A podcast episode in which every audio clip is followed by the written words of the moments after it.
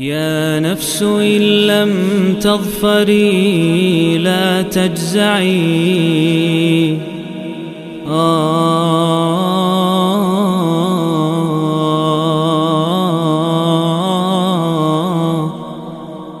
Bismillah, walhamdulillah, wassalatu wassalamu ala rasulillahi amma ba'd Masih bersama serial 114 hari menyambut bulan Ramadan Dan kali ini di surat ke-38 surat Sot Surat Sot merupakan surat Makkiyah yang turun setelah surat Al-Qamar dan sebelum surat Al-A'raf.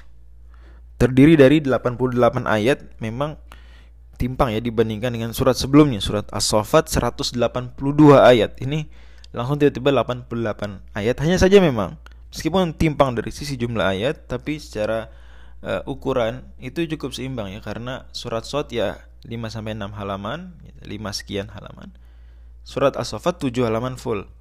Jadi cukup berimbang. Apalagi As-Saffat memang meskipun jumlah ayatnya banyak tapi karena ayatnya sangat-sangat pendek uh, sehingga yang membacanya juga akan merasa itu cepat. Itu ringan. Demikian ya tabiat surat dengan ciri khas seperti ini. Makanya dalam hadis riwayat Imam An-Nasai sahabat mulia Abdullah bin Umar radhiyallahu anhu pernah mengatakan karena Rasulullah sallallahu alaihi wasallam ya'muru bit takhfifi wa ya'umuna bis safat.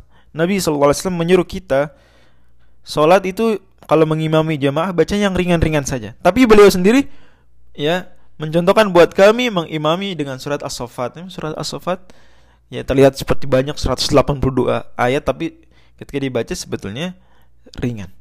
Nah, makanya seimbang dengan surat uh, Sot juga setelahnya. Uh, tema besar surat Sot adalah Allah misab kesabaran. Ya, perintah untuk bersabar. Tema kesabaran.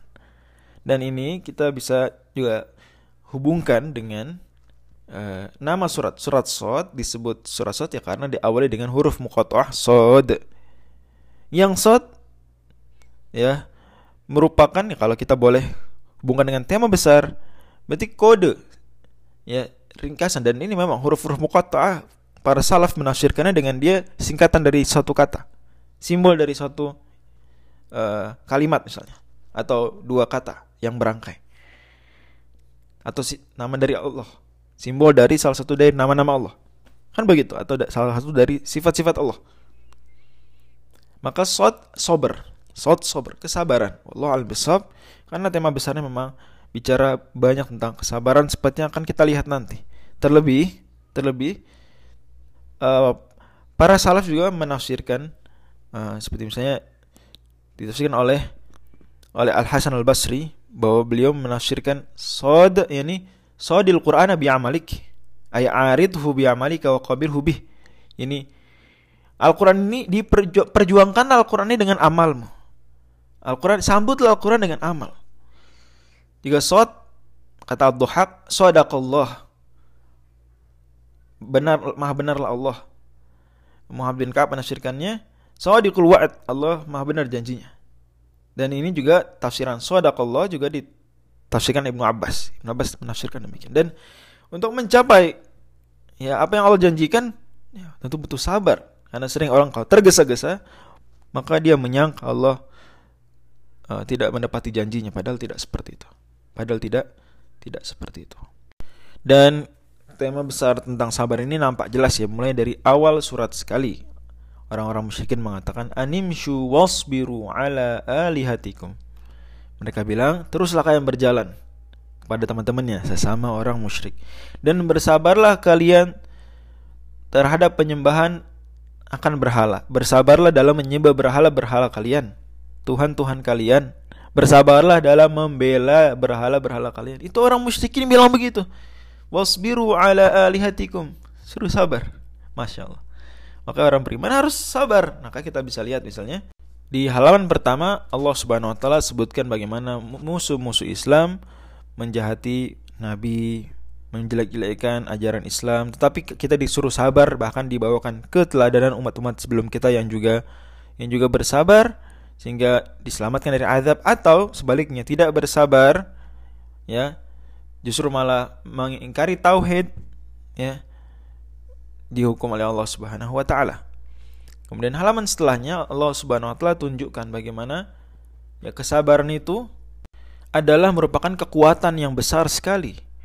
Kita diberi contoh dengan nabi sekaligus raja Daud alaihissalam yang membaca Zabur di pagi dan petang uh, dan gunung-gunung, burung-burung ikut membaca bersama beliau. Inna sakharnal jibala ma'ahu yusabbih nabil asyi wal isyraq ayat 18. Wa tayru mahsyuratan kullulahu awwab. Nah, kalau mampu Allah Subhanahu wa taala membuat gunung dan burung tunduk terhadap Zabur, maka kaum muslimin jangan takut dengan Al-Qur'an. Allah Subhanahu wa taala akan tunjukkan tundukan yang sulit-sulit. Dan di situ Nabi Daud diberikan oleh Allah Subhanahu wa taala ujian dan beliau sabar sehingga beliau minta ampun kepada Allah Subhanahu wa taala, tidak malu untuk meralat kesalahan beliau karena datang dua orang yang bersengketa. Kemudian Nabi Daud memberikan putusan padahal baru hanya mendengar dari penuntut saja. Tidak mendengar dari yang tertuduhnya. Tapi itu dan itu salah dan Nabi Daud kemudian sadar dan minta ampun. Ini sabar juga yang tidak mudah dilakukan orang, apalagi seorang raja yang berwibawa seperti Nabi Daud. Juga sabar yang ditunjukkan oleh Nabi Sulaiman. Ya Allah uji Nabi Sulaiman dengan harta yang banyak kuda-kuda baru beliau miliki. Yang kemudian ternyata melalaikan dari waktu asar. Ini ujian kesabaran agar mendahulukan cinta pada Allah daripada cinta kepada selainnya. Nabi Sulaiman sadar, sadar juga. Kemudian apa? Mengalahkan egonya dan menyembelih kuda-kuda tadi disedekahkan kepada yang membutuhkan dan seterusnya Nabi Sulaiman juga diberikan kesabaran memiliki kekayaan yang luar biasa yang kekayaan tersebut ya Fir'aun saja memiliki sedikit saja daripada kekayaan itu sudah sombong aku Tuhan. Nabi Sulaiman tidak. Allah bawakan lagi kontras bersabar dengan Nabi Ayub alaihissalam. Masya Allah. Kemudian Allah subhanahu wa ta'ala sebutkan bahwa kesabaran di dunia akan membawa pada kenikmatan akhirat di halaman setelahnya. Ya. Sebaliknya tidak sabar membawa pada kesengsaraan di akhirat. Ya kira dalam tanda kutip harus bersabar di neraka maka Allah sebutkan juga Nabi Ibrahim, Nabi Ishak, Nabi Yakub, ulil aidi wal absar, mereka memiliki kekuatan kesabaran. Allah juga sebutkan sabarnya bagaimana tidak sabarnya iblis untuk menati perintah Allah berujung pada dihukumnya dia. Dan Allah tutup surat ini dengan mengatakan wala ta'lamunna naba'ahu ba'dahin sungguh kalian pun akan tahu kelak sabarlah melihat kenyataan kebenaran Islam tidak lama lagi. Wallahu a'lam